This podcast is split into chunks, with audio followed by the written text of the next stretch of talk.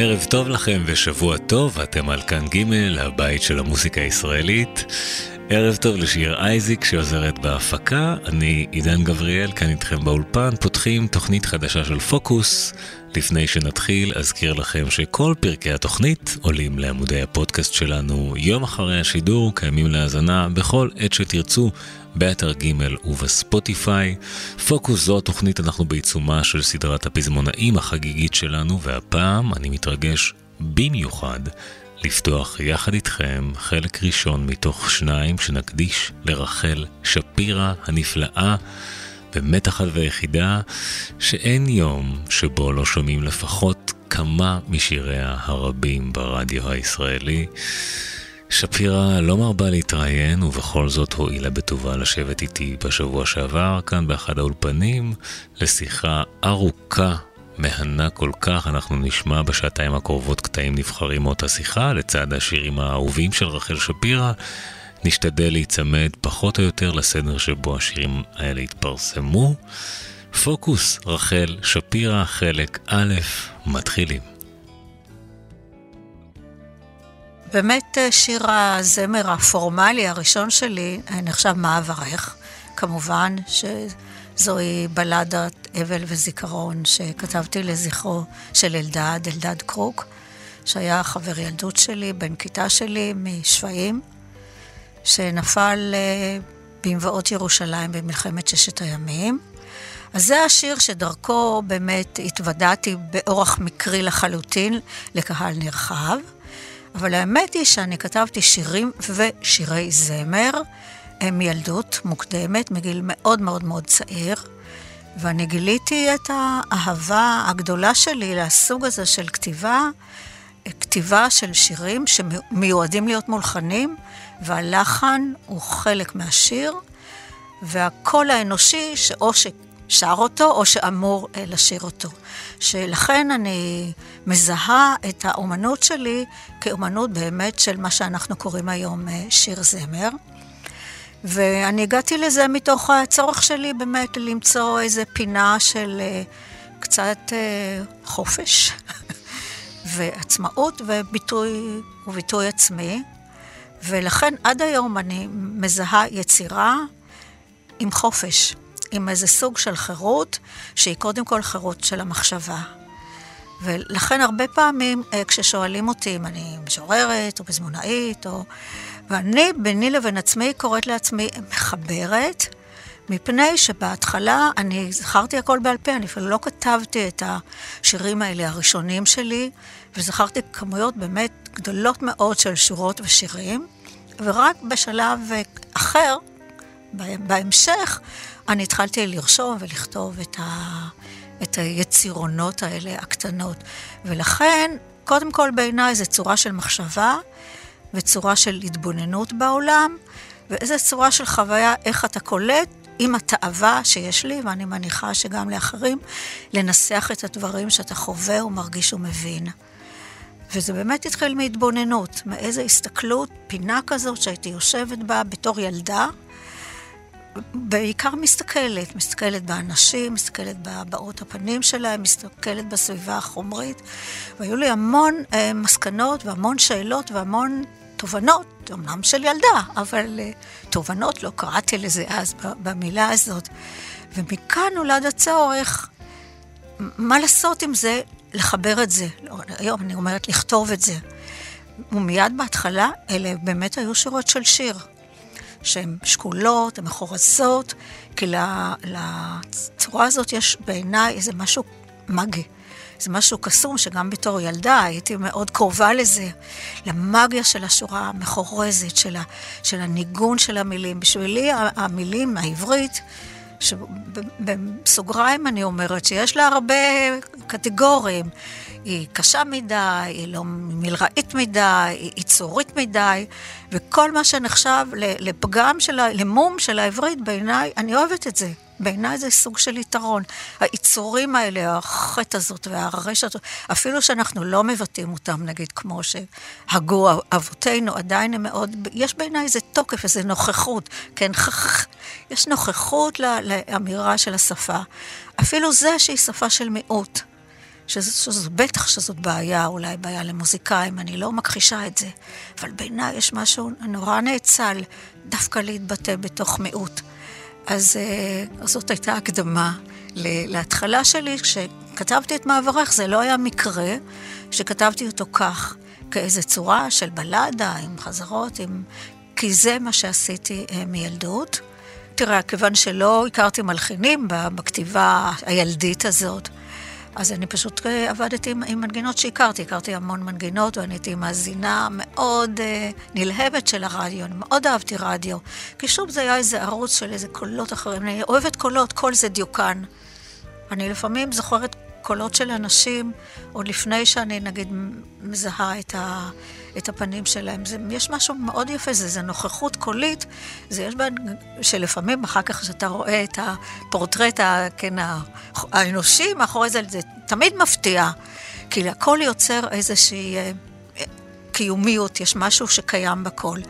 אז אה, זה היה לזה אני, אני, זה, אני, אני ידעת, אני התכוונתי לזה, שלשירים יש מנגינה. אני, זה לא, זה מה שקוראים שירי משוררים, שיש טקסט, ואחר כך מלחינים את הטקסט ונותנים לו איזושהי אופציה אחרת. מבחינתי, הטקסט שאני כותבת, יש לו נוכחות משמעות מוזיקלית, גם, בה, גם במילים וגם במנגינה הצפויה או הקיימת. למרות שאני לא ידעתי שמעברך יולחן, והלחנה באה כהפתעה גדולה, כשיאיר ורבקה וחלילן עזרא שמנגן את המעברים, באו, באו לשפעים להשמיע אותו בפניי לפני שהציבור uh, שמע אותו. וזה היה באמת באיזה חדר אוכל של הקיבוץ, בחופש, די מוזנח, עם, עם פסנתר לא מכוון, והכל היה, כל, כל מה שיש ומה שאין, הכל היה בפנים. וזה היה באמת... Uh, בלתי נשכח, אין, אני, אני זוכרת את, את, את, את, את החום ואת, ואת העורף של, של, של יאיר, ואת העיניים של רבקה, וכמובן את הקול והמנגינה, ואת כל האוקיינוס הזה של, של התחושות עם, ה, עם ההאזנה הזאת. ו... והשאר היסטוריה. מה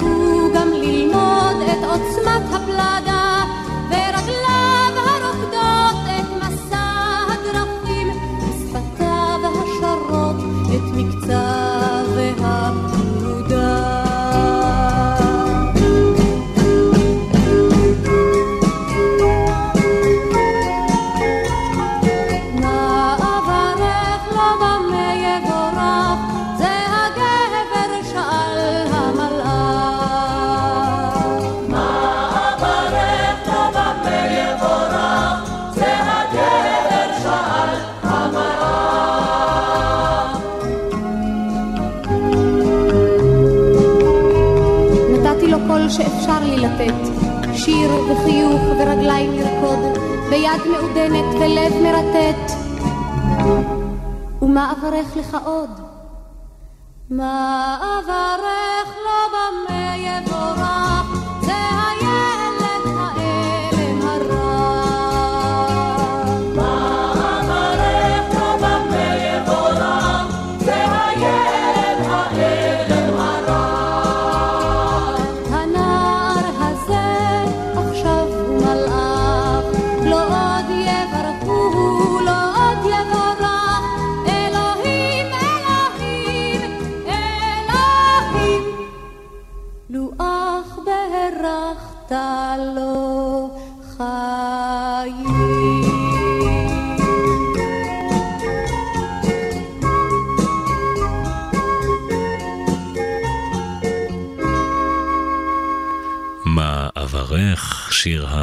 הביקורים של רחל שפירא, אם תרצו. היא כתבה עוד שירים לפניו, אבל הוא הראשון שהולחן והתפרסם, הפך ללהיט גדול, שמושמע עד היום.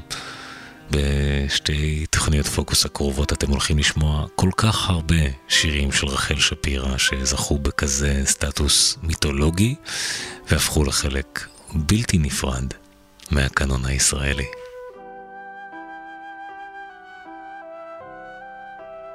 תראה, מבחינה היסטורית, זה, זה שיר שנכתב לסרט טלוויזיה. תאגיד השידור, כן, כן, בארס, בארסו. סרט טלוויזיה שנעשה לפי ספר של נעמי פרנקל, דודי וראי. והשיר היה השיר הנושא, והוא היה אמור, אמור להתייחס לדמותה של הגיבורה הדס, הגיבורה של ה... של הספר ושל הסרט, כן, זו אישה שנקרעת בין שתי אהבות. ו... ו... עכשיו, הביטוי כמו צמח בר הוא ביטוי שלי. ואני, אני, זה, זה ביטוי כל כך, היום אני יכולה להעיד, כל כך מוצלח לדעתי, מפני שהוא מכיל אה, דבר והיפוכו. שזה אולי משהו שאני חושבת שגם קיים בהרבה מאוד שירים שלי, ואולי בהרבה יצירות. שזה מכיל גם איזה יסוד של, מה זה צמח בר? זה איזה דבר שהכי טבעי לסביבה שלו, וגם איזה גרעין של, של איזה זרות, של איזה קושי בהסתגלות. והנושא הזה הוא נושא ש, שתמיד מרתק אותי, והוא נכנס, אני מניחה, בגלל, בגללי או בגלל הביוגרפיה שלו, הוא נכנס גם אה, אה, לשיר הזה. זאת אומרת, האיחוד הזה בין ה... כי לגיבורה יש ביוגרפיה משלה, יש לה ספר, יש עליה סרט, יש, כן? אבל גם מי שכותב, גם לי במקרה הזה יש ביוגרפיה, ולכן התנועה הזאת, שאני הרבה פעמים אני, אני מתייחסת אליה, אם אתה איפה אתה? אתה זר, אתה שייך, אתה גם זה וגם זה, אתה משקיף, אתה מעורב, אתה... ו- וזה, וזה שיר, אה, קודם כל יש לו באמת מנגינה נהדרת, אין, אה, אין דומה לה. והוא קיבל הרבה מאוד פרשנויות שאני לא מתווכחת איתן, כי אני לא... זאת אומרת, במקור הוא שיר פרידה, אבל הוא לא שיר עם מהות אובדנית, זה לא. אבל אני יודעת שהוא קשור בהרבה סיפורי חיים או, או כאלה, ו, ואני מקבלת את זה. אני לא, אני לא כתבתי את זה, אבל, אה, אבל אני מודעת לזה אה, היום. אבל אה, הכל באמת, זה שיר, וגם מנגינה, זה, זה עולם פתוח, וכל אחד קורא אותו לפי הצורך שלו. אני כתבתי עם, עם נחצ'ה כמה שירים לסרטים. שיש ביניהם, ביניהם משהו אה, משותף, זה דמויות של נשים, אה, נשים עם, עם איזו חוויה של פגיעות, עם איזו חוויה של חריגות, ו, וזה לא מקרה שאני כתבתי את זה. אז, אה, אז זה להם, אבל זה, זה בטח איזה בבואה של בבואה של בבואה שלי.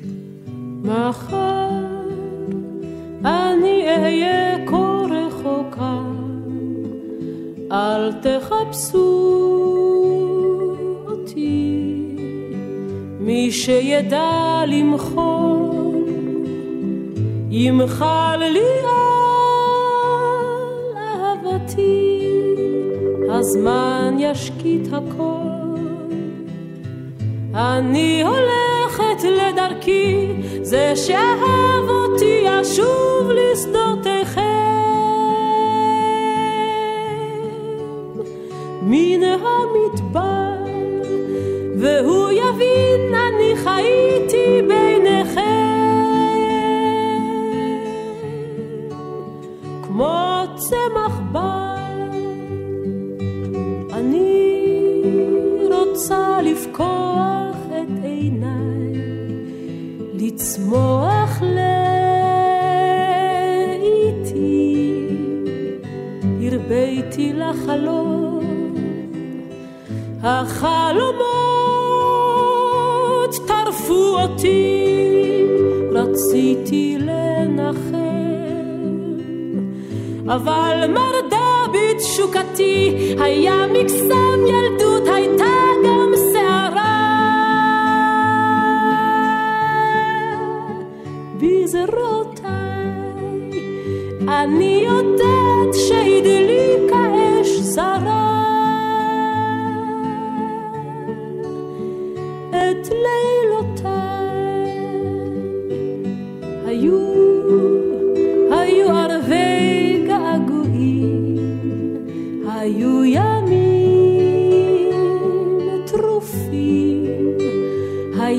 כאב חבוי ורגעים מחושפים, אני אזכור מבט, מגע ידיים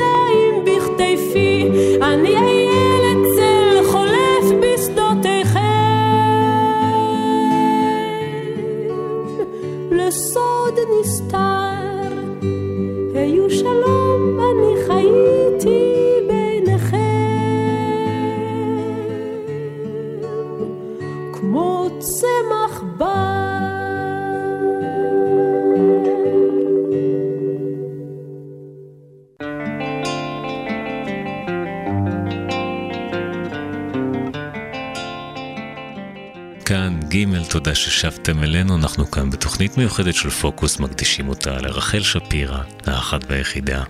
ממשיכים. באותו אה, תקליט של חווה, כן, יש עוד שיר ש... שמתאר איזה משבר קולקטיבי, השכם השכם בבוקר. ומה שקרה לי עם, עם, עם השכם השכם בבוקר, שהוקלט קודם על ידי זמר אחר, ואחר כך חווה הקליטה אותו, ו, והשכם השכם בבוקר, שזה שיר באמת על איזה טראומה אה, קולקטיבית, ואני למשל בשעתו, כשכתבתי אותו, הייתי בטוחה שאחרי זה הכל ישתנה. לי אישית היה איזה צורך גדול מאוד לפתוח איזה דף חדש, להיטהר מאיזה, משהו, להבין ש, שמשהו צריך להשתנות. וזה לא קרה, זאת אומרת, לא השתנה כמעט כלום. ואחרי איזו תקופה, אני פתאום התחלתי להרגיש נקיפות מצפון, ש, אה, שלא הייתה לי זכות לכתוב את השיר הזה, כי אני לא לוחמת, אני לא השתתפתי במלחמה, והייתה לו איזו יומרה לתאר איזו חוויה של אנשים שיצאו מאיזו חוויה של, של קרב. ו... מה שלא, אני לא מרגישה כלפי אדבר איתך, אני חושבת שהייתה לי זכות מלאה לכתוב אותו. ומה שקרה, כשהיו מנגנים אותו, אני, אני לא הייתי סוגרת הרדיו, אבל הייתי יוצאת, עוברת, או יוצאת מהבית, או הולכת לחדר אחר, או... ובזה נרפא, אה, אחרי הרבה שנים, שאני ראיתי את הסרט, הסרט של יואל שרון, הסרט שהוא עשה על היחידה שלו, שנקרא נדמה לי קרב אחד יותר מדי. והוא בחר בשיר הזה להיות שיר הנושא. ואז אמרתי, עם יואל שרון, עם כל החוויה שהוא מכיר ויודע, והחברים שלו, ו... אז כנראה שהיה בזה משהו, משהו נכון, ו... ואז אני נתלית באילנות גדולים, בסופרים שכתבו על נשים, ואמרו, לא נשים, אבל... אה, אז יש אולי דרך של הכתיבה, היא באמת דרך אה, של האומנות בכלל, היא, היא, היא דרך ל... להבין איזה משהו שהוא מעבר ל... למה שאתה אמור לדעת, כן. אני לא, אני לא יריתי בחיי ולא השתתפתי באף אה, קרב מהסוג הזה. השכם השכם בבוקר יצאנו לדרכנו יצאנו לדרכנו שקטים ונדהמים עקבות הסערה היו בכל מקום כמו צללים גדולים, כמו עדים אילמים. השכם השכם בבוקר יצאנו לדרכנו, מילים שלא אמרנו בשתיקה. עקבות הסערה היו בכל מקום, ידענו שצפויה עוד דרך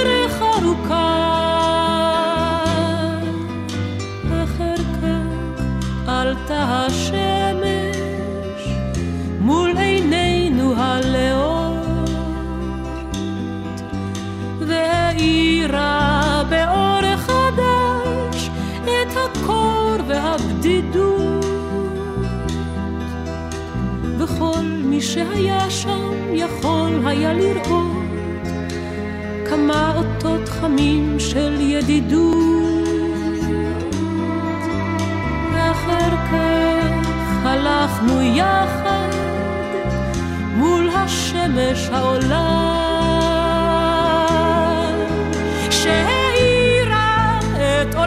של כל איש באור חדש. הבטחנו לעצמנו ללמוד מההתחלה מה פשר טוב או רע, טמא או מקודש.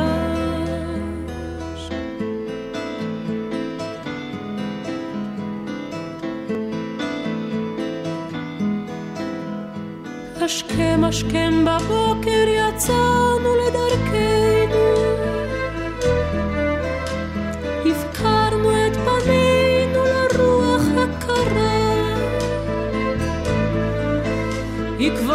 הסערה היו בכל מקום כמו חותם בוער, כמו צעקה מרה אחר כך זרחה השמש על אחינו הנחים והאירה באור חדש את פצעינו הגלויים. לאט למדנו לשוב ולהבחין בכוח המופלא של החיים. אחר כך זרחה השמש ברוך וברחמים. והאירה באור חדש את האימה והתקווה.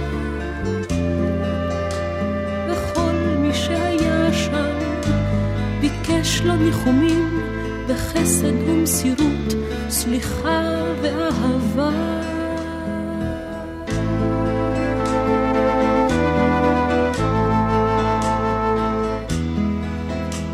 השכם השכם בבוקר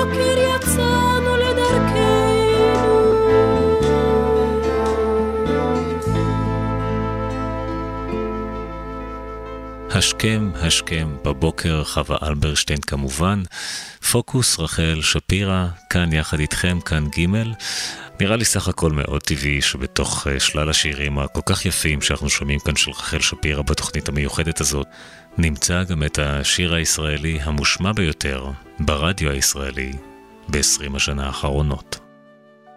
אני הזכרתי כמובן מעברך המלחין שלו זה יאיר רוזנבלום. Okay. יאיר רוזנבלום שגם הלחין את שיר של יום חולין, ויאיר רוזנבלום הוא באמת המגלה שלי. Okay. ואני יודעת שזה היה חשוב ליאיר, והוא התייחס, והוא צודק. הוא באמת, אה, מבחינתו גילה אותי, כאילו נתן לי הזדמנות, וכאילו אה, להיות אה, כותבת, אה, אני לא רוצה לקרוא לזה מקצועית, אבל לכתוב ברצף. ב... בסוג היצירה, הז'אנר, שאני גיליתי אותו מוקדם מאוד, ואהבתי אותו מאוד, ושמחתי, ואני עד היום כן שמחה שניתנה לי הזדמנות uh, לעבוד בו ברציפות כל השנים האלה. אז באמת, יאיר, אני אסירת תודה לו מאוד מאוד מאוד.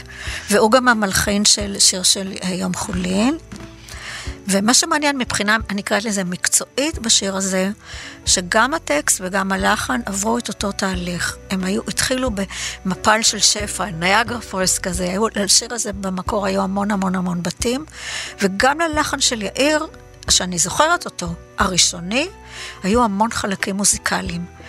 וכל אחד בפינה שלו, גם יאיר בלחן וגם אני בטקסט, הלך והצטמצם והצטמצם והצטמצם עד שהגענו לאיזה משהו שאני קוראת לו בשפתי הגרעין הזוהר. ו- וזה נורא מעניין שזה קרה במקביל. זאת אומרת, לא דיברתי איתו על זה. לא אמרתי לו, תראה, צריך יותר... לא, בטח שלא, בוודאי שלא הייתי נותנת ליאיר הלחנות אה, הצעות בתחום ההלחנה. וגם הוא לא אמר לי, תראי, צריך... יש הרבה שירים שלי שהוקלטו בחלקם. שאני כתבתי עוד בתים ועוד בתים ועוד בתים ועוד דימויים ועוד ועוד ועוד, ואז זמרים אמרו, תשמעי, כן, בואו אנחנו נקליט אה, חצי מזה, מספיק. כן. והם צדקו כנראה. אבל במקרה הזה, אנחנו שנינו הגענו לאותה מסקנה. עד, ש... עד, עד שהתגבש השיר הזה המסוים. גם בגלל מגבלות, זה היה פסטיבל זמר ויש לו מגבלות של זמן, אבל לא זה מה שהוביל אותי. אני אז פחות הייתי, הייתי יותר אה, תמה בתחום הזה. וכן, זה שיר, אה, אני יודעת, מאוד מאוד אהוב, ואני יודעת, גם אני מאוד אוהבת אותו. ויש לו כמובן ביצוע נהדר של, של אילנית. זה, אבל את השידור חסתה רשות השידור. גם את החיבור שלי עם, עם יאיר בשיר הזה. זאת אומרת שאמרו לנו, לא, לא אמרו לנו מה לכתוב, אבל שאתם, כן, צמד מוזיקלי. ו, והזמרת המיועדת מלכתחילה הייתה אילנית. ו... וגם אני בהתחלה כתבתי לי שיר אחר. העניין הממלכתי מאוד מאוד העיק עליי. אה, כי אמרתי, בשבילי זה חופש, זה, זה פינת פנאי ופרטיות, ו, וזה זה, זה, זה הרתיע אותי. אבל תאוות היצירה גברה עליי, נתתי לו בהתחלה שיר אחר, ואחר כך נרגעתי ואמרתי לו, לא, לא, לא, אני, אני חושבת ש, ש, שאני יכולה להציע לך משהו אחר. ו... אני, אני, אגיד את זה, אני אומרת את זה, אבל אני מזוהה, כי אני מחברת. אני, אני לא, זה לא אומר שאני רק כל היום אה, חווה משבר, אבל כשאני כותבת, המבט שלי מופנה לשם. זאת אומרת, המבט שלי באמת מופנה בכתיבה, ביצירה, מופנה הרבה מאוד, או לא, לא תמיד, לא טוטאלי, אבל הרבה מאוד באמת לפינות האלה של קושי, של מסבר, של איזה קרע, של איזה צורך לחבר קרעים. מהקוטב השני יש באמת שירים שהם דווקא שירים מאוד אה, נינוחים, הם מפויסים, שזה יותר שירים ש... שירי טבע כאלה, ומתבוננים אולי בנוף ובקשר ל... בקשר לנוף ולעונות השנה ול... מחזוריות ולאחר הצהריים, זאת אומרת, יש, יש לי אה, שירי פיוס גם. ואני חושבת שהשיר הזה הוא, הוא שיר מפויס עם, עם רמזים, כן, כי להתפייס צריך, אה, צריך לחוות איזה גם משהו אה, יותר חריף. אם יש לי מיתרים, הם מתנגנים ברטט. אם יש בי דאגה, היא חשופה כמעט. אם יש בי אהבה, היא תאמר בשקט. אם יש לי שורשים, הם מתארחים לאט. אתה רואה כיצד פתאום עובר בירד. הרוח משנה תכופות את כיוונה. ניסינו לעזוב, אבל אני...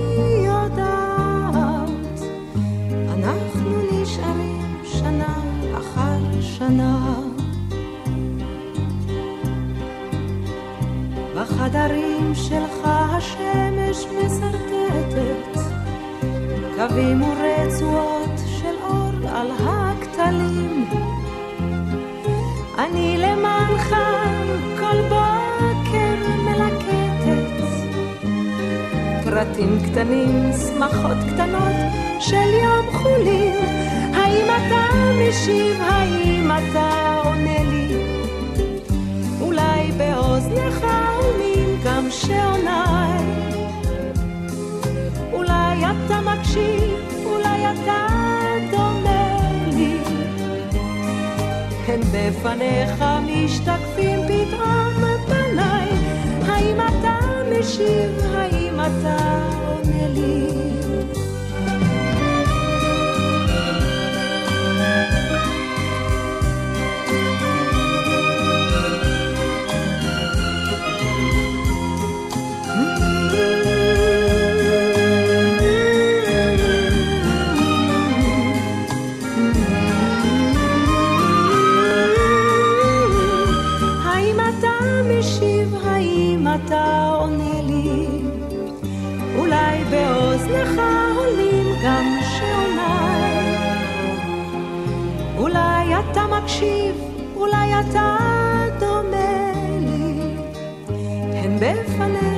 משתקפים פתאום פניי.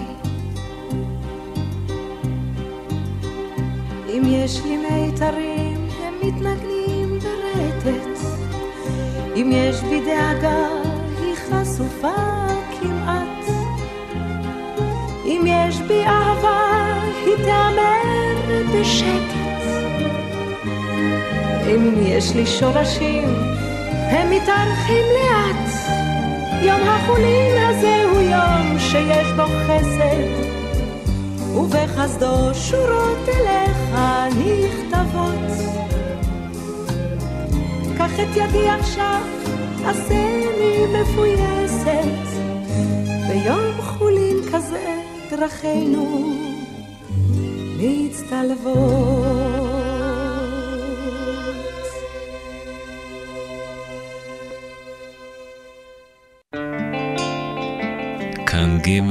איזה כיף שאתם איתנו. תודה שאתם איתנו כאן במשדר המיוחד הזה, המיטב של רחל שפירא, הסיפורים שמאחורי השירים הגדולים.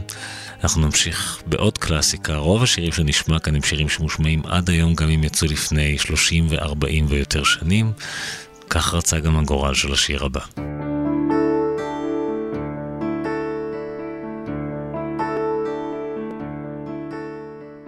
המלחין הוא דני עמיהוד, שאני לא הכרתי אותו אה, כשכתבתי את המילים של שירת ישראל. והאמת שהכרתי את דני רק בשנים האחרונות, דני חי בחו"ל, הוא חי בלוס אנג'לס, והוא התקשר אליי לפני כמה שנים, הוא בא לארץ לבקר את המשפחה שלו, ואמר לי שהוא, שאנחנו הורים של שירת ישראל, מה שנכון, ו... ונפגשתי איתו, והייתה פגישה פשוט מלבבת. ומאז אה, אני, אני נפגשת איתו כמעט מדי שנה, כל פעם שהוא בא לארץ. בתשרי? ו... לא, דווקא לא בתשרי, אבל אה, כן, באמת זה שיר מאוד מאוד אה, מקומי, והוא גם שיר מאוד מאוד, הוא שיר סתם, הוא שיר מאוד מאוד ישראלי.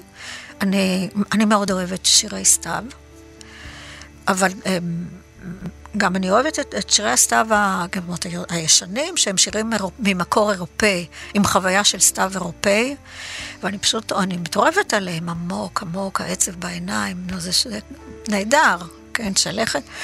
והשירים היו, הייתה לי תקופה שהייתי מושפעת מהשירים האלה, וזיהיתי סתיו עם, עם, עם, עם הגמומית כמניג, כן, עם גלומי, כן.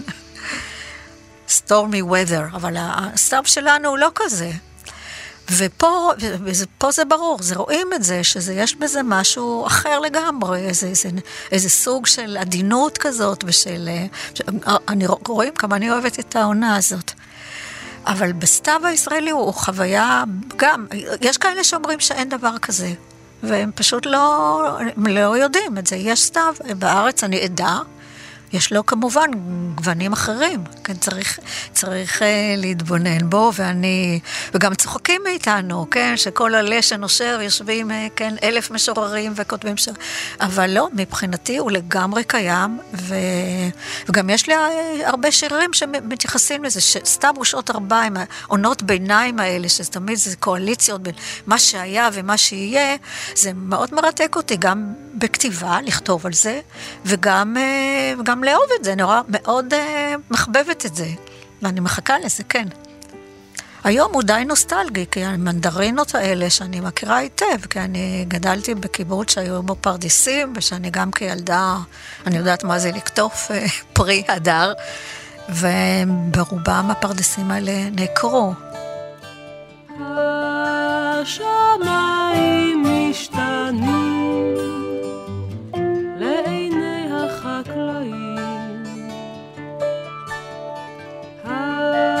השכנים מתכוננים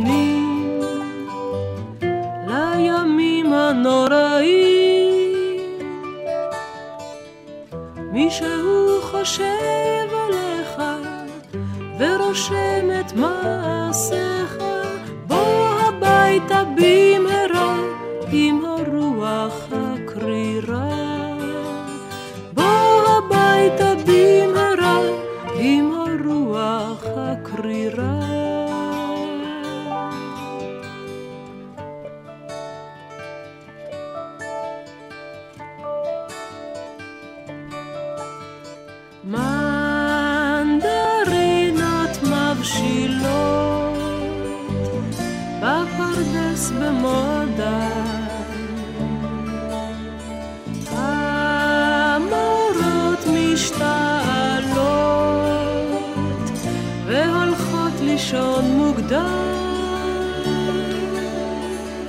כבר ראיתי נחליאלי ואולי זה רק נדמה לי.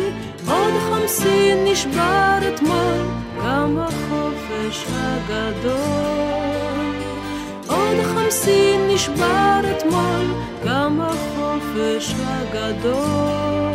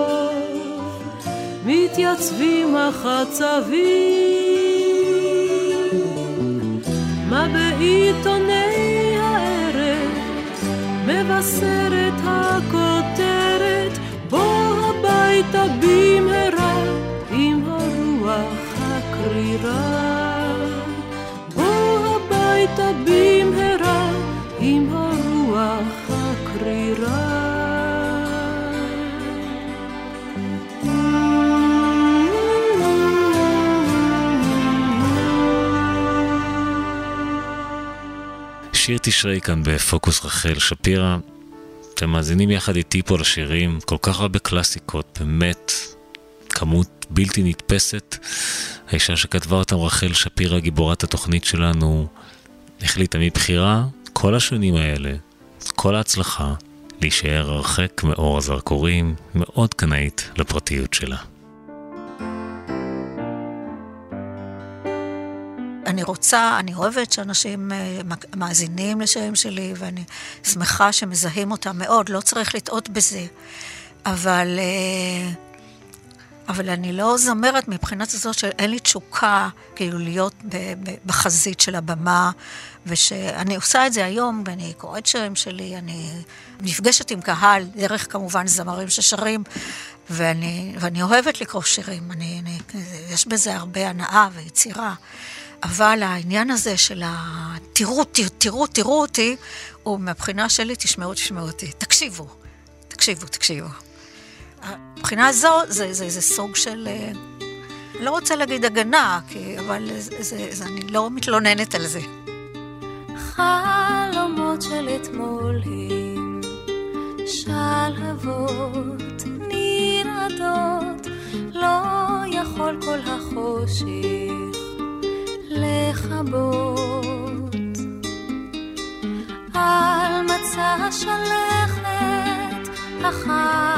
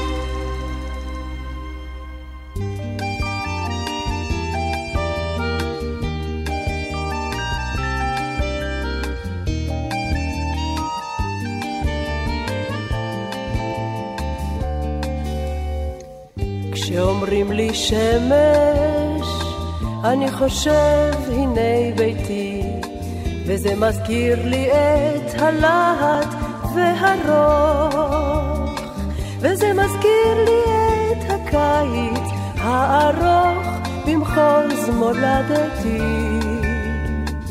כשאומרים לי שמש, אני יכול לחשוב על אהבה. כשאומרים לי שמש, אני יכול לחשוב על אהבה.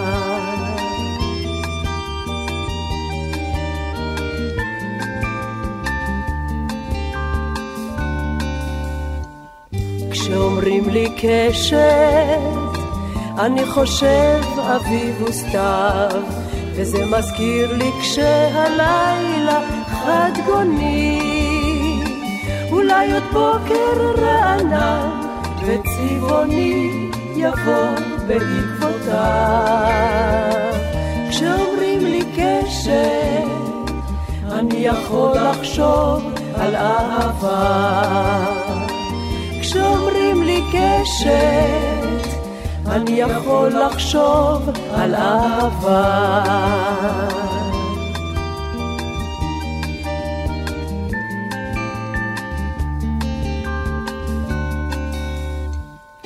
כשאומרים לי שחר, אני יודע יש חלום, וזה מזכיר לי את התום והמסירות, ואוהביה הצנועים של החירות הנולדים כל יום.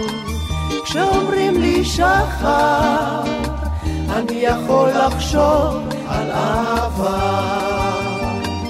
כשאומרים לי שחר, אני יכול לחשוב על אהבה.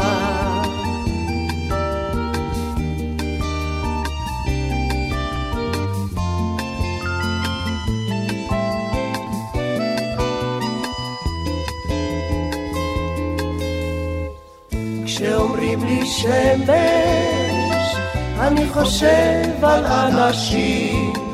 אני זוכר שטהורה היא האחווה, וכמה כוח יש בשיר של התקווה, גם אם הוא חרישי. כשאומרים לי שמש, אני יכול לחשוב על אהבה. כשאומרים לי שמש, אני יכול לחשוב על אהבה.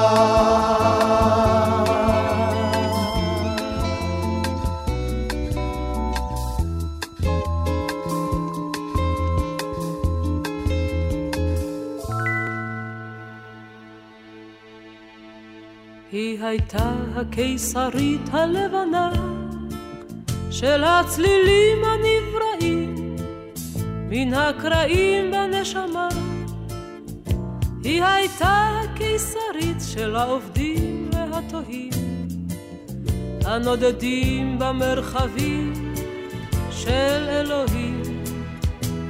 היא הייתה הקיסרית היחפה, ושפחתם של הכאב, והבדידות החשופה. היא הייתה הנערה המקבצת נחמה. במיתרים הניחרים שבגרונה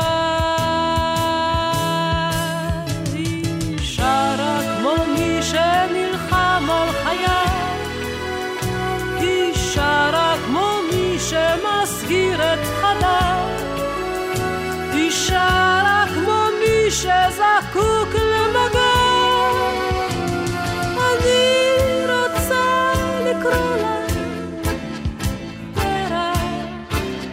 משוגע, אני רוצה לקרוא לה פרח משוגע.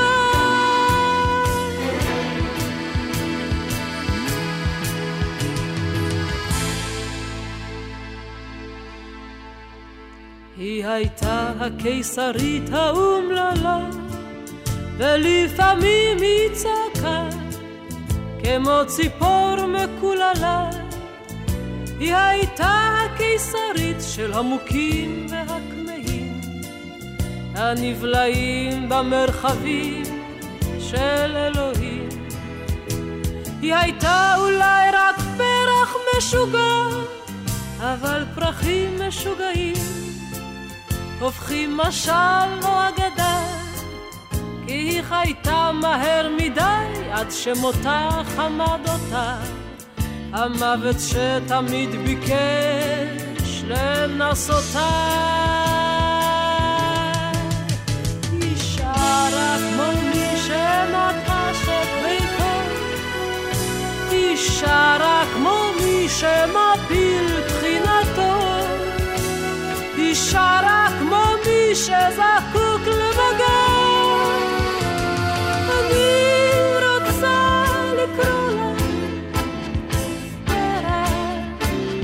משוגע, אני רוצה לקרוא לה פרח משוגע.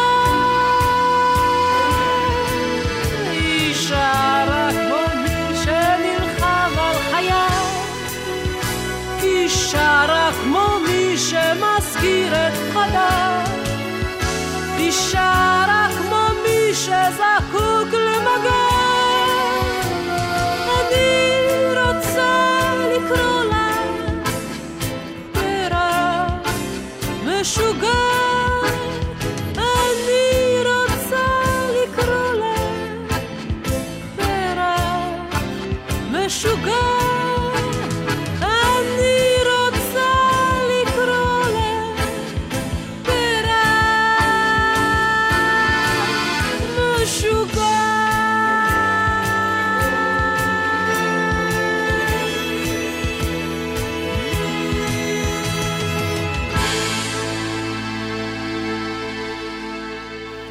משוגע שכתבה רחל שפירא, את כל השירים שאנחנו שומעים כאן במשדר המיוחד הזה היא כתבה, אנחנו מקדישים לה את פוקוס במשדר מיוחד, שומעים את הסיפורים שמאחורי השירים, כמה שנספיק, יש כל כך הרבה שהכפלנו את התוכנית, אנחנו נתרכז ברחל שפירא גם באפיזודה הבאה של פוקוס. אנחנו כרגע לפני סיומה של השעה הראשונה של חלק א', עוד קצת חווה אלברשטיין לסיום, באמת אולי הזמר, אחת הזמרות המזוהות ביותר עם הטקסטים הכל כך יפים של רחל שפירא. תודה לשיר אייזק שמפיקה, אני עידן גבריאל כאן איתכם באולפן. הישארו איתנו. טוב, זה שיר, אה, עוד שיר של דני עמיהוד. שוב, יש לו גם, יש לו המון גרסאות, אה, אני לפעמים קוראת אותו ככה, זאת אומרת, מבחינתי הוא, אה, הוא קיים, גם יש לו מנגינה מאוד מאוד יפה של דני. אה, אנחנו מדברים על שיר שנקרא לפני שיחשיך, ואולי נקרא את השורות הראשונות. אה, כשתשתתק ההמולה, כל הדרכים יבקשו מחילה. מן היומיום, מן השגרה, חרש נולדת, תקווה זהירה. מה שהיה, מה שנוצר, מה שיכולנו ומה שנבצר. פחד פתאום, שביב דאגה, עוד אמירת אהבה יחידה. לו רק נדע איך להמשיך ולשוחח לפני שיחשיך. כשתשתתק ההמולה, כל הדרכים יבקשו מחילה, מן היום יום, מן השגרה. חרש נולדת תקווה זעירה.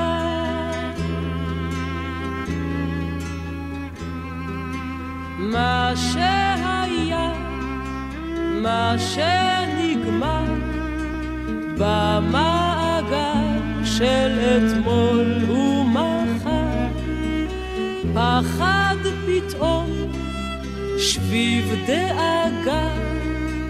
עוד אמירת אהבה יחידה, לו רק נדע איך להמשיך ולשוחח לפני שיחשיך. אם בעיניי צפה דמעה, היא מבקשת לצאת מכלאה, גם בת הצחוק האביבית עוד מבצבצת בקרן זווית.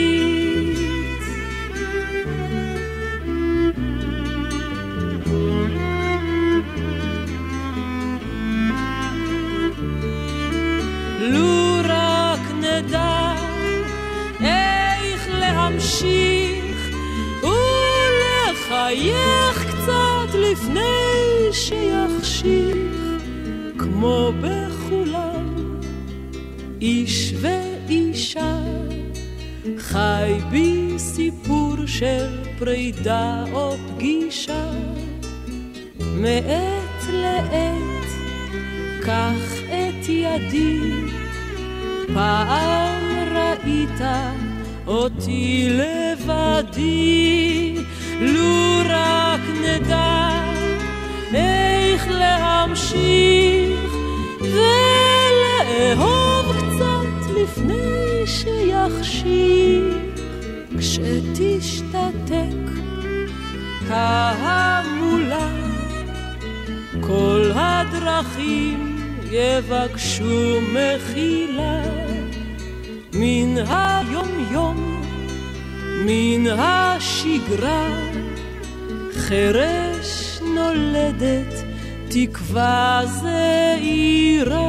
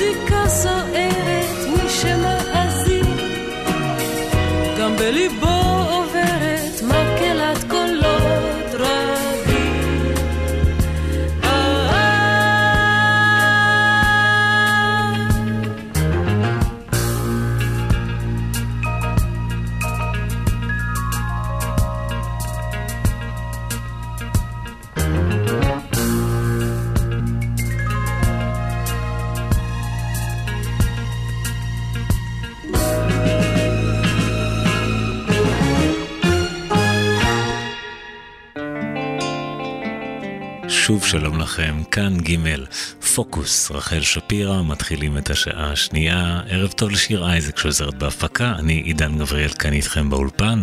בשעה שעברה שמענו בעיקר שירים משנות ה-70, הרבה מהם של חווה אלברשטיין. בשנות ה-80 מצטרפת זמרת נוספת מרכזית לקטלוג של שירי רחל שפירא. אני מדבר על גלי עטרי.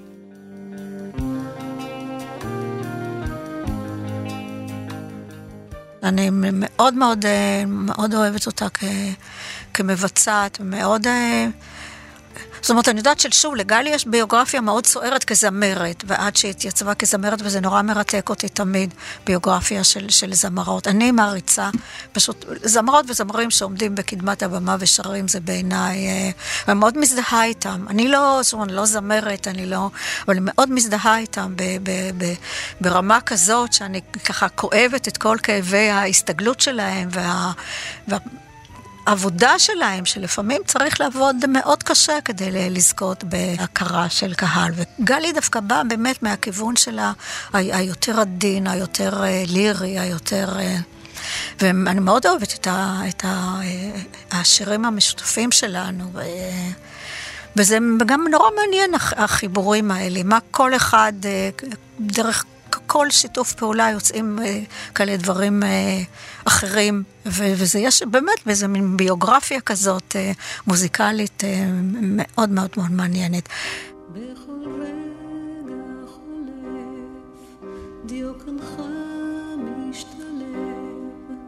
בשיחה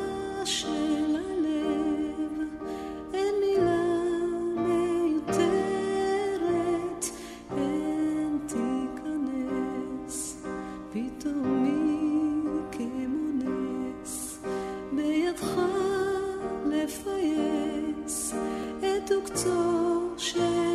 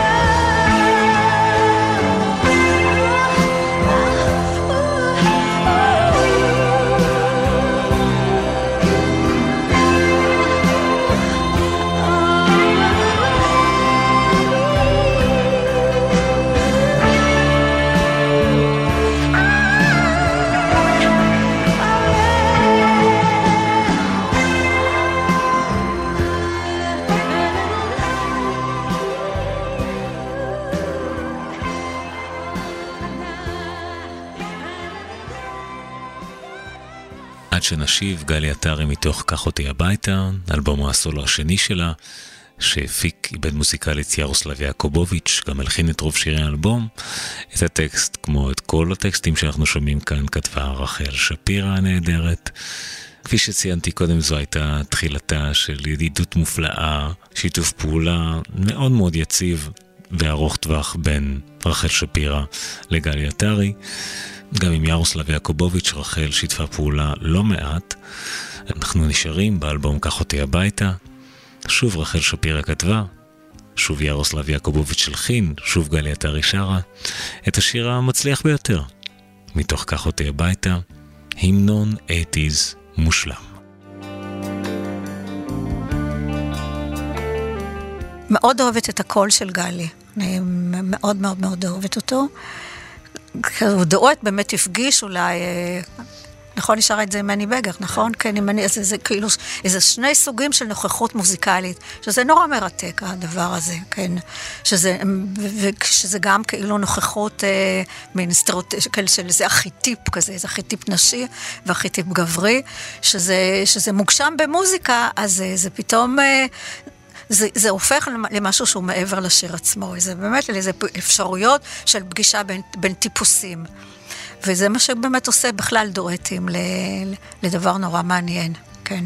ופה יש באמת איזה שני סוגים, כן, הדואט הזה הוא מעצב איזה שני סוגים של טיפוסים, שדווקא, שדווקא האישה היא האישה שהיא שוחרת החופש, שזה מעניין. דווקא בגלל שדיאלי היא זמרת מאוד עדינה, ומני הוא היה מין, בשעתו מין, כן, איזה טיפוס גברי כזה, של זמר גברי. אז זה נורא מעניין, זה נורא מעניין דווקא לשחק בארכיטיפים האלה ועל במה. והרבה דברים מהסוג הזה קורים ספונטנית לגמרי. אחר כך בא כל החלק, ה... כן, אתה יכול לחקור את זה ולראות בעצם מה קרה פה, כן? שדווקא היא, כן, הגברת המעודנת הזאת, ודווקא היא, מיוז, כן, אומרת למאצ'ו הזה, לגבר הגברים הזה, אבל זה אחר כך. בכתיבה זה, זה, זה, זה תהליך כל כך אה, ספונטני וכל כך... אה, אז לכן, זה, זה דווקא מעניין, דווקא הביצוע המקורי הזה, יש לזה הרבה ביצועים והרבה וריאציות, לפחות על במה. אבל דווקא הדבר הזה, דווקא גלי, עם הזמרת העדינה הזאת, שהיא היוזמת שלה, זה... זה כן. זה, אני לא בטוחה שכל הדבר הזה היה במקור. כל ההחלטות האלה, זה החלטות ספונטניות, ו... כן. אבל אחר כך שאתה רואה מה, שוב, כאיזה יצירה, כאיזה סוג של יצירה, זה, זה פשוט, זה כל כך מרתק.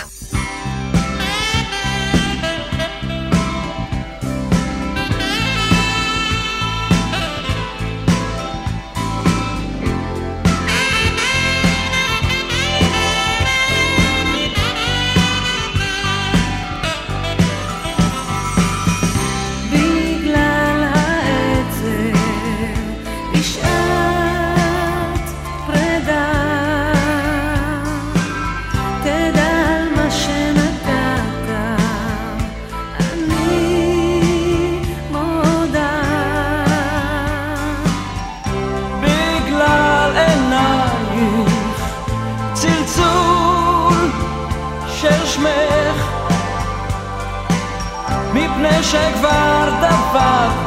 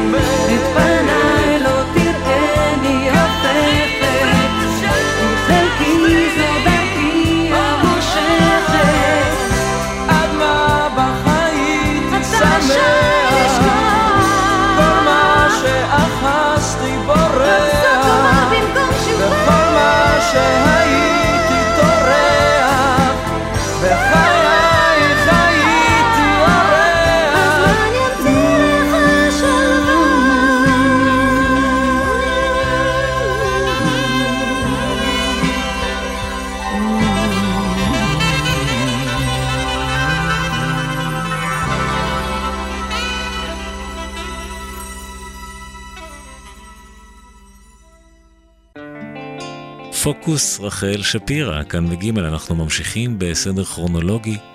בשנת 82 שפירא כותבת מספר שירים יפהפיים לחווה אלברשטיין.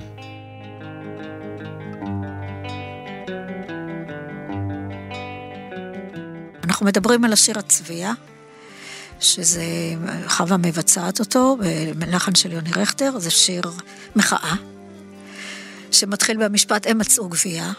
שאני לא הייתי מתחילה ככה היום שיר, זאת אומרת, זה, זה עדיין היה לי הדבר הזה של לא לפחד ממילים, אבל, אה, והוא, וכל השיר הוא מין, מין דיון כזה, מי אשם ברצח של יצור ענוג, כן, כמו צביעה, וזה אנחנו מדלגים על כל, על כל הרשימה. ו... והבית שלא נכנס זה, זה המשורר. המשורר שבדה את כל, ה, את כל הדבר הזה, ו... ואני, ואני מצטערת, שאני חושבת שזו הייתה טעות להשמיט את הבית הזה, אבל אה, אולי, אולי זה חיזק, מבחינה מסוימת אולי זה, זה חיזק את השיר, כשלא, שלא לקחתי את האחריות על, על החלק המילולי. שירים כאלה לא קשה לכתוב היום, אבל קשה אה, לשדר, אני חושבת. לא, לא קשה לי לכתוב שיר מתוך ה... הדחף הזה, לא. אבל אה, אני לא יודעת מי יבצע שיר כזה, אני לא יודעת. אני לא יודעת, צריך לעטוף, יש, יש, לי שירים כאלה, אבל זה עטוף. ואת העטיפה אני אעשה, מתנדבתי, כן? אז אם, אם יש תקופה במוזיקה, שואלים אותי, יש תקופה במוזיקה שאני מתגעגעת אליה, זה לא שאני מתגעגעת לתקופה. אני מתגעגעת לזה שבמוזיקה פופולרית אפשר היה לכתוב על נושאים מגוונים. כולל נושאים שברומו של עולם, עם מירכאות או בלעדיהן. וזה זה באמת יותר קשה היום. אולי אנשים שכותבים ומבצעים את השירים שלהם יכולים, אבל אנשים, אנחנו שצריכים, מישהו אחר צריך לבצע את השירים האלה, יותר קשה. כי יותר ויותר, אני חושבת, הזמר הפופולרי נתפס כאילו, כן, איזה תחום של, נקרא, לא אסקפי, בילוי, בידור, בילוי, ויש לו חלק כזה, אני לא, אני לא מתעלמת מזה. אבל כחלק שהוא לא החלק של הסחת הדעת, והוא לא החלק של הבריחה, אלא, אז, אז החלק הזה מצטמצם. אני לא אומרת, הוא לא, הוא לא קלה, אבל הוא, הוא הצטמצם. ו...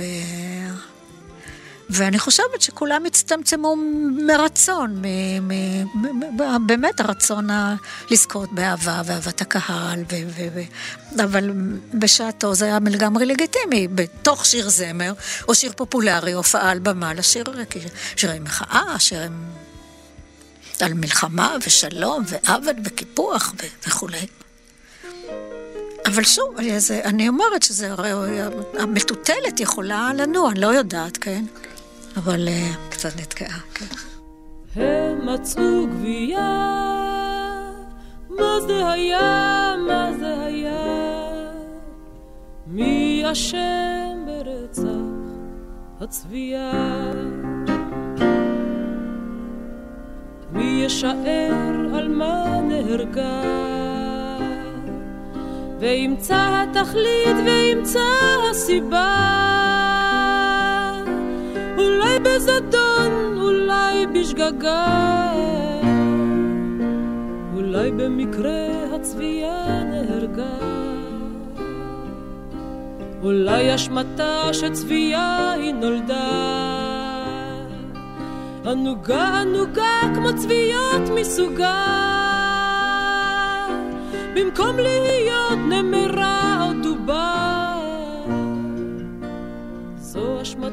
שנולדה ענוגה. הם מצאו צבייה, מה זה היה, מה זה היה?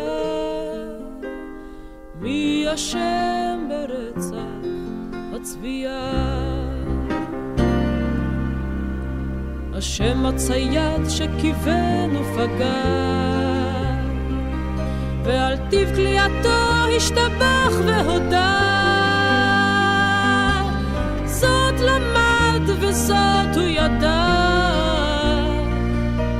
השם הצייד שכיוון ופגע. שמש הרגה כי זרחה ויגדה.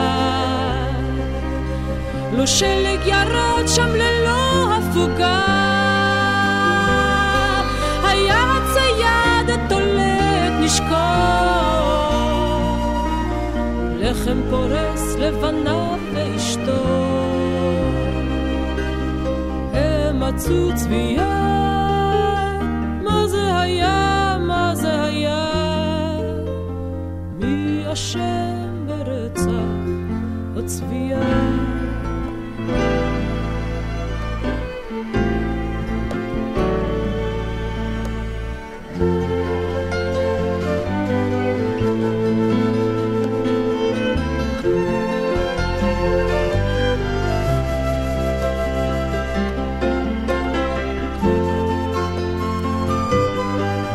יישאר על מה נהרגה.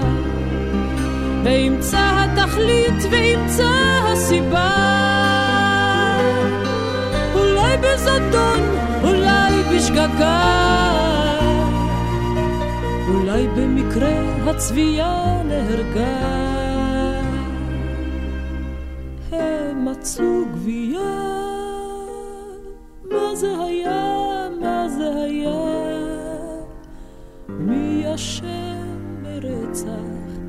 הצביעה?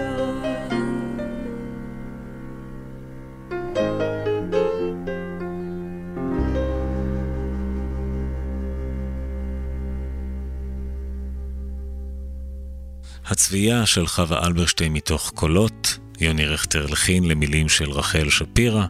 רחל שפירא כתבה כמובן את כל השירים שאנחנו שומעים בשעתיים האלה במשדר המיוחד הזה, תוכנית חגיגית של פוקוס בסדרת הפזמונאים. מקדישים את כולה לרחל שפירא, יש כל כך הרבה חומרים שאנחנו מקדישים לה גם את התוכנית הבאה. שימו לב, אני גיוונתי את המשדר בשיר אחד כרגע כשהוא ככה קצת פחות מושמע, לפי הסדר הכרונולוגי אנחנו כבר מגיעים להמנון נוסף. אין מנוס מהם פשוט, במקרה של רחל שפירא.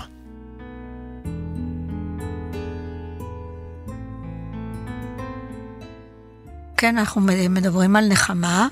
זה שיר מבחינתי, אני יודעת שהוא מזוהה, שוב, כיוון שלפעמים שירים משודרים באיזה נסיבות היסטוריות, ובישראל הרי לא חסר נסיבות היסטוריות, אז הם כמעט אוטומטיות משויכים לשירי זיכרון, שירים למאמרי זיכרון, וזה, זה, זה, זה, זה לא. זאת אומרת, זה לא שיר שנכתב בהוויה קלאסית של, של שיר זיכרון, הוא לגמרי, אה, נגיד, אישי מבחינתי. והתחבר למה שהתחבר, אין לנו שליטה על זה. אין לנו, אין לנו, אנחנו המחברים, אין לנו שליטה מתי פתאום הוא משודר ואיך הוא מתחבר, נגיד בזיכרון הקולקטיבי, זה... וזה שיר שאני אני, אישית, אני מאוד אוהבת אותו, וגם בעבודה שלי על, על במה עם אומנים מבצעים, יש הרבה פעמים, יותר מפעם אחת, כשיש נגיד למוזיקאי, לזה שמנגן, יש לו פתאום הזדמנות לשיר שיר אחד, כן? והרבה פעמים הפסנתרנים או המוזיקאים בוחרים בשיר הזה לעשות דווקא ממנו ההגדרה האישית שלהם. וזה כל כך מעניין, כי זה שיר, מה שקורה שיר שמרוב זה שהוא שגור, אז בעצם ברגע מסוים מפסיקים להקשיב לו. כאילו אתה יודע כבר, ולא. והכי מעניין זה להוציא אותו מהקונספט השאנן הזה של שגור ואני כבר יודע. ודווקא אני אסירת תודה למוזיקאים שאומרים לא, לא, לא, לא, בשבילי זה אישי לגמרי, ואני רוצה את הרגע שלי, של הביטוי שלי עם הפסנתר או עם הגיטרה, ו- ופתאום הוא נשמע כמו שאני כתבתי אותו. כי אני לא כתבתי אותו כאיזה אייקון של יום הזיכרון, לא. וככה הוא באמת נכתב. הוא שיר על, אה, על איזו בחינה מחדש. ויש לנו הרבה הזדמנויות פה, אני עושה את זה לא פעם, ולא יותר מפעם בשנה או פעם בחודש, אז, אז אני, והמוזיקאים מבינים את זה, והזמרים מבינים את זה. אז זה בסדר ש, ששרים את זה שירה בציבור, זה, אני לא, לא מתווכחת עם זה, אבל מעבר לזה, אפשר גם, הוא, הוא, הוא גם שיר סולני. ולכאורה עסקנו בשלנו, רק בשלנו, בלי לבקש גדולות ונצורות, שלווה מופרת כבר אחרת, ואין טעם לכסות, כי בפתח נכנסות התמורות. מי שצמא לכל מחווה של חסד, אוזנו תופסת, איך הקריאות חוצות את הרחוב. שואל עדיין, שואל מאין,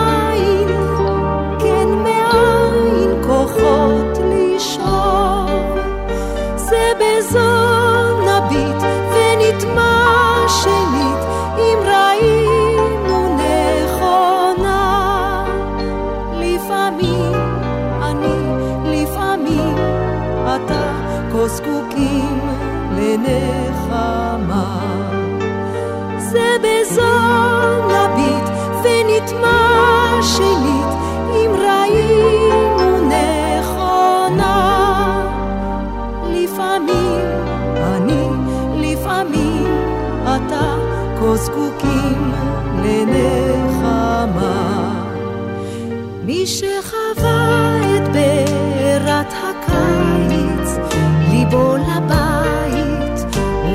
הנוף לחרדותיו, את מי ישביע, את מי ירגיע, ועל מה יתפלל עד הסתיו.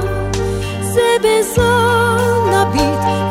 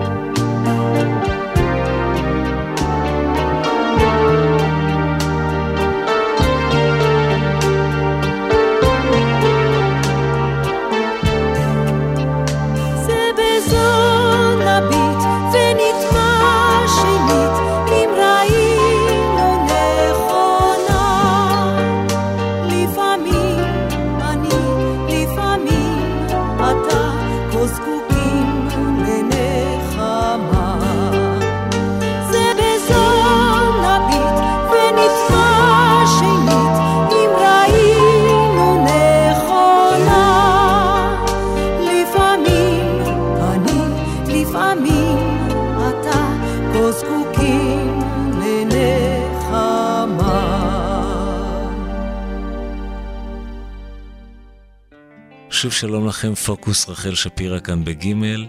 אנחנו ממש דוחסים, דוחסים, דוחסים כמה שאפשר. בארבע שעות סך הכל, כרגע שעתיים במשדר הזה, עוד שעתיים במשדר הבא של המיטב של רחל שפירא. שימו לב כמה רגש הטקסטים האלה הוציאו מהמלחינים שטיפלו בהם. יש פה משהו מאוד לא מקרי שכל כך הרבה מהשירים של רחל שפירא זכו ללחנים שבאמת פורטים לעומק על נימי הנפש, כמו מילות השיר, כמו הכוונה שמאחורי המילים. פשוט קסם. נשמע עוד דוגמה.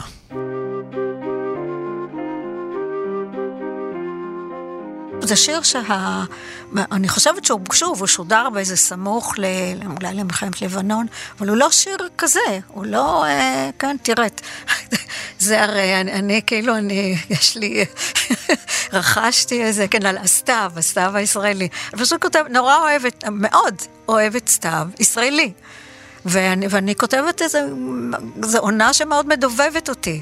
אז זה, כן, אחד, ה, אחד השירים האלה, והוא שודר לראשונה ב, ב, בתקופה של מלחמה, שקורית לא אחת במחוזותינו, והוא פתאום מתחבר לאיזה... אחר כך אני חושבת שהוא גם מתחבר לגלעד שליט וכל מיני אירועים היסטוריים כאלה. אבל הוא ממש שיר... הוא שיר מקומי כזה, הוא שיר על... עוד כן, הוא שיר, אני, כן, יש לי חיבה מיוחדת, לא, לא לשירי סתיו, לעונה, לעונה של שעות ארבעים וסתיו, זה מאוד ניכר בשירים שלי. אני קוראת לזה, כן, שיש בזה משהו כזה מפויס, העונה מפויסת גם הסתיו וגם השעות ארבעים, ויש לי באמת איזו אמונה מאוד תמה, תמימה, ש, שמשהו טוב אמור לצאת מזה. ואני גם אוגרת הרבה זיכרונות, ואני מתבוננת תמיד בשעות האלה בכל העולם. וכיוון שהייתה לי הזדמנות מבורכת גם לראות סטאר ושעות ארבעים בכל מיני מקומות בעולם, ואני באמת רואה שיש משהו מאוד משותף לכל האנושות ברגעים האלה, במצבים האלה, וזה אה, מחלחל אה, לשירים שלי, יש להם באמת משהו מאוד מפויס, לעומת ה... רמזנו פה על שירים מאוד משבריים ומאוד... אה, אז זה פה הקוטב הנגדי שאיכשהו התלבש על הגשם בכף ידה. שאני מרגישה את זה, אני, אני רואה את זה, בטח במקום שאני גרה בו. ציפורי הצפון כבר הגיעו מתערבל האבק בגבעות. נוחותנו הרוח עברה בדרכים, ואנחנו צמאים לאור. בוא בשלום החורשה מזכירה, בטרם חלקה אחרונה תזרע, בטרם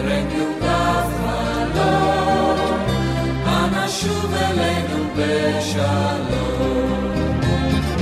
בוא בשלום נפתחות חצרות,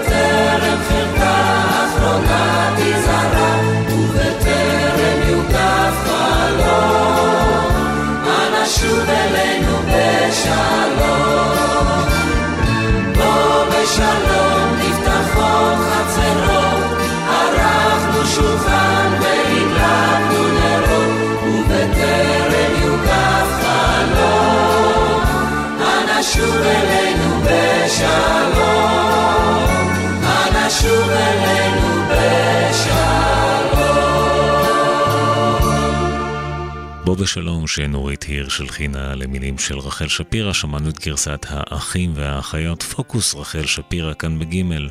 אנחנו חוזרים, איך לא, לחווה אלברשטיין.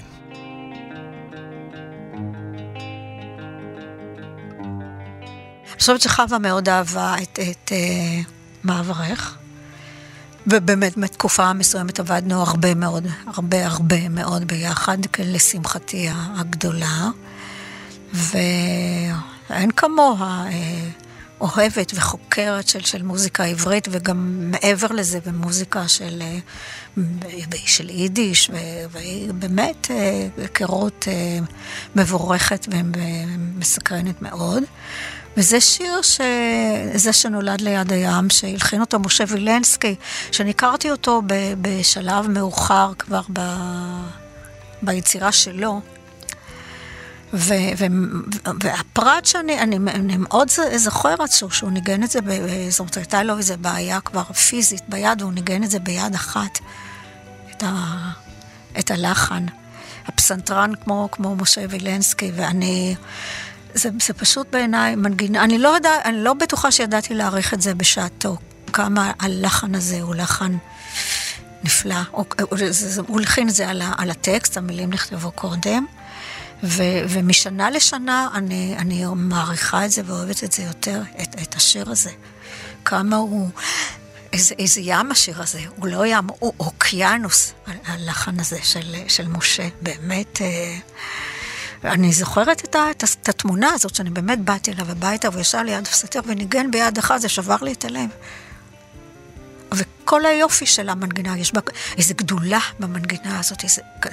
צריך זמר, להיות זמר בשביל לשיר את זה. ואני, ואני שם עם היד, עם המגבלה, זה מחבר לי עם המגבלה הפיזית שהייתה לו בשעתו, וזה... גם עכשיו שאני, אתה רואה כמה אני מתרגשת שאני מדברת על זה. אני...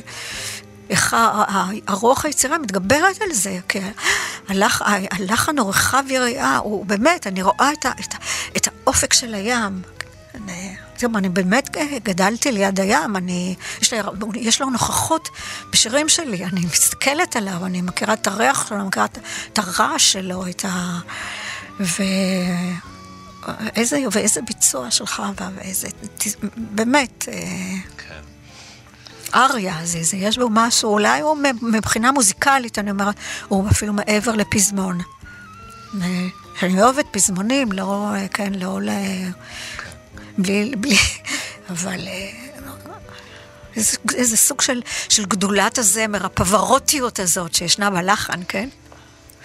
זה שנולד ליד הים, כבר יש בו משהו כחולי, רוגש מאוד וגבה גלי, קנאה לרוח.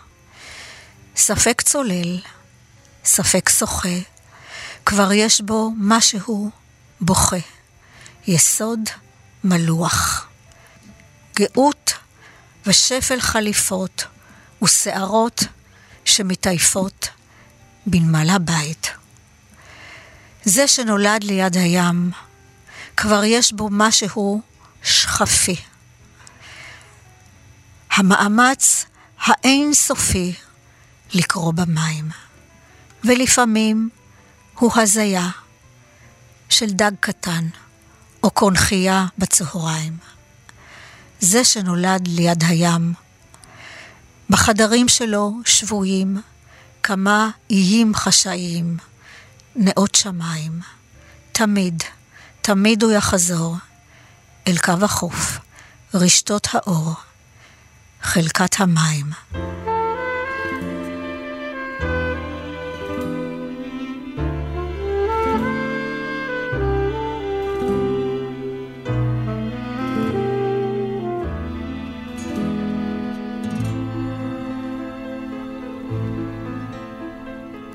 זה שנולד ליד הים, זה שנולד ליד כבר יש בו משהו כחולי, רוגש מאוד, וגבה גלי, קנאה לרוח. ספק צולל, ספק סוחר, כבר יש בו משהו בוחר. יסוד מלוח, גאות ושפל חליפות ושערות שמתעייפות בנמל הבית, בנמל הבית. זה שנולד ליד הים, זה שנולד ליד הים כבר יש בו משהו שכפי, המאמץ סופי לקרוא במים, ולפעמים הוא הזיה של דג קטן או קונכייה בצהריים. גאות ושפל חליפות ושערות שמת...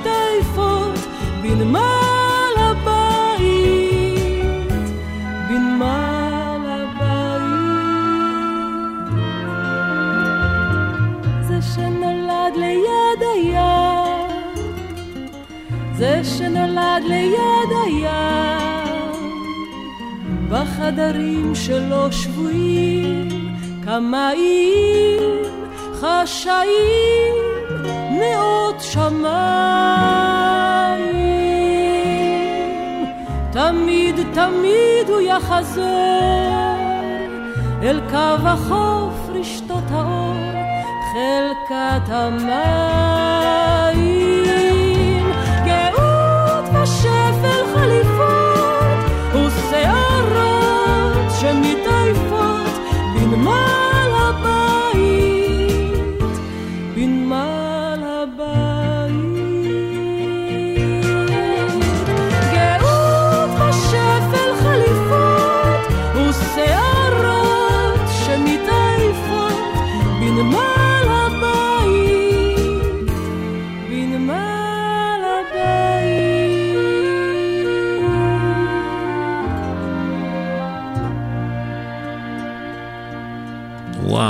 שזה יפה, זה שנולד ליד הים, הלחן של משה וילנסקי, חווה אלמרשטיין שרה כמובן, רחל שפירא כתבה את המילים, כמו את כל המילים של כל השירים ששמענו בשעתיים האחרונות.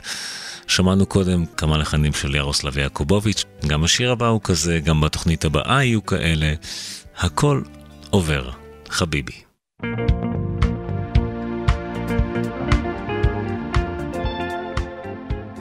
זה נורא מעניין, הפגישה שלי עם ירוסלב, הוא, לא, הוא, הוא רק התחיל לדבר עברית, הוא לא ידע עברית טוב. ואז גם יכולתי לעקוב אחרי איך תהליך העברות שלו. איך, והרבה פעמים הוא אומר, תראה, אני לא מבין מילה, אבל זה נורא יפה בעיניי. כי השירים שלי הם שירים בעברית, אין אה, פה, אה, אין... אה, עכשיו, אה, השיר הזה, הלילה בכרך, שהוא באמת, ירוסלב זה כמובן המזרק של האנרגיה ושל הקצב לשירים שלי, ואני מאוד שמחה על זה. אני, אני נורא מאמינה בזה, ש, שהרי כל הדברים האלה טמונים בך. והמפגש, אה, מפגש עם מוזיקאים, שזה היסוד המוזיקלי שלהם, האנרגיה הזאת, היא באמת אה, מפריחה איזה, לא שזה היה שממה קודם, אבל היה איזה שדה שזועק למים, כן? אז נקרא לזה ככה. וזו דוגמה גם לשיר שהוקלט בחציו. שאני פשוט התאהבתי, אם תשים לאיזה שיר שכל עולם הדימויים שלו הוא מעולם הקולנוע והתיאטרון, וכיוון שהתאהבתי בזה, אז המשכתי בזה, והמשכתי בזה, והמשכתי בזה, והחבר'ה אמרו, אה, תשמעי, מספיק. ובעצם מה שהוקלט זה, זה מחציתו של השיר הזה, כי אני כל כך התלהבתי ש... ונהניתי מהכתיבה. אפשר לראות את זה, דרך אגב. הרבה פעמים מהשירים שלי, נגיד, מזוהים, הם שירים נוגעים, עצובים, אה, אבל הכתיבה, יש בה יסוד של התענוג, ואפשר לראות את זה, את ההתאהבות הזאת בעולם הקולנוע ותיאטרון שאני אוהב. זה שיר דרמה מדרמה, כי הוא, כן. הוא שיר על עולם התיאטרון, לא, דרך עולם התיאטרון והקולנוע, על, כן, על המעמד. אז ישנו, כן, אבל uh, הוא שיר מדליק, מה? זהו, מדליק.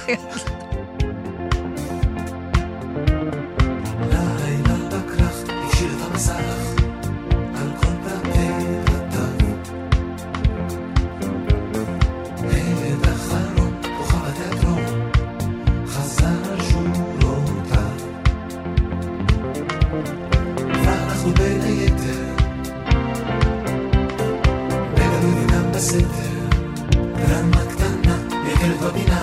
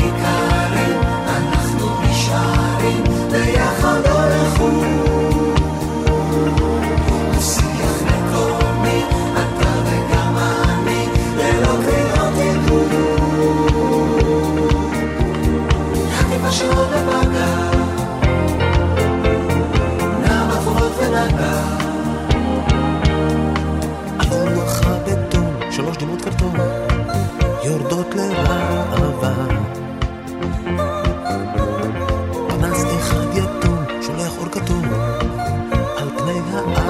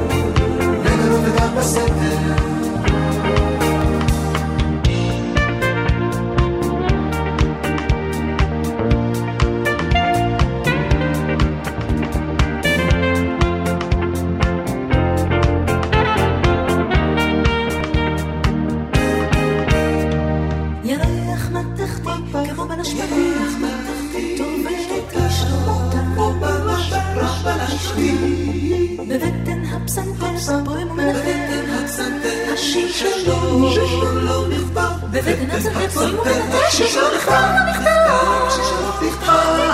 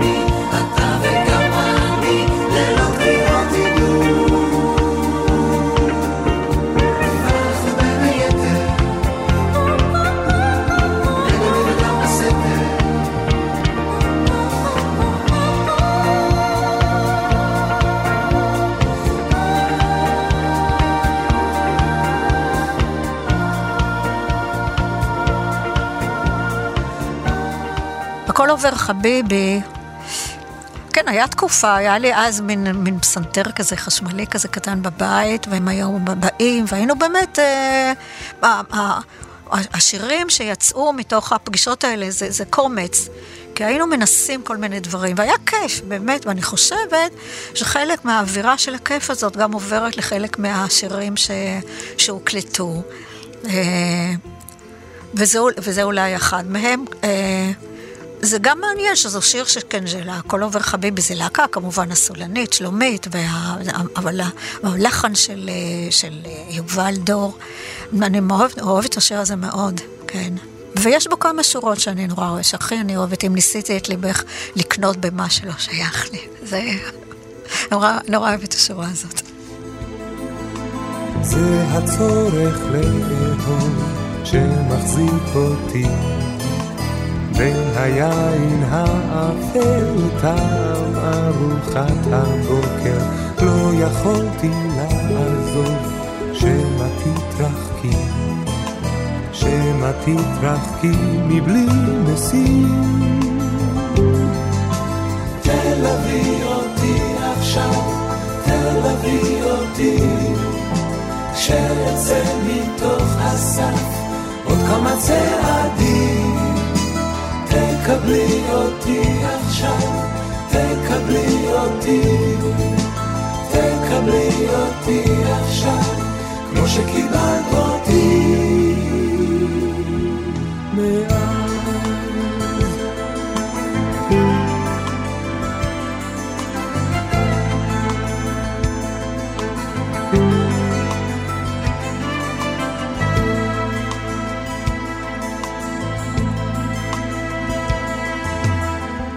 אני יחף עכשיו, אם אני עייף, אם ניסיתי את ליבך לקנות במה שלא שייך לי, אחרי ככלות הכל, רק לא לעבדך.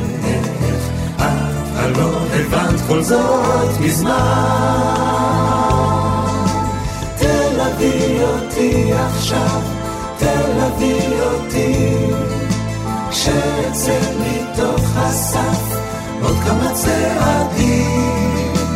תקבלי אותי עכשיו, תקבלי אותי, תקבלי אותי עכשיו, כמו שקיבלת אותי.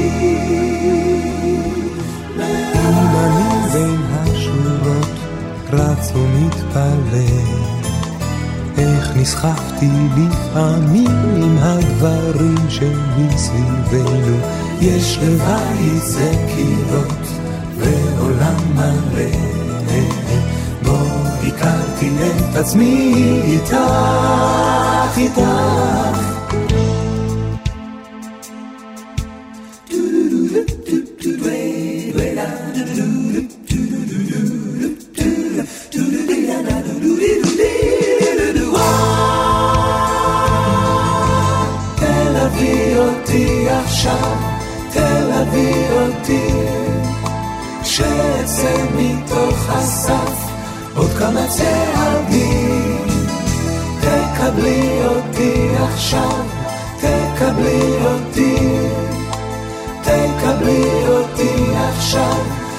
שקיבלת אותי.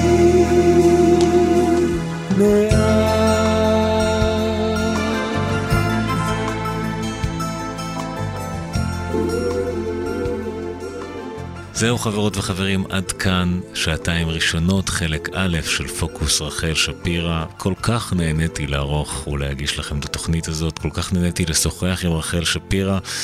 איזה כיף להעביר לכם חלק מהשיחה הזאת כאן במשדר המיוחד הזה. אנחנו ניפגש כאן בפוקוס בשבוע הבא, מוצ"ש בשמונה, חלק ב', עם עוד המון המון המון המון שירים אהובים של רחל שפירא. יש למה לחכות. תודה רבה לשיר אייזיק שעזרה בהפקה. אני עידן גבריאל, נשתמע. לילה טוב.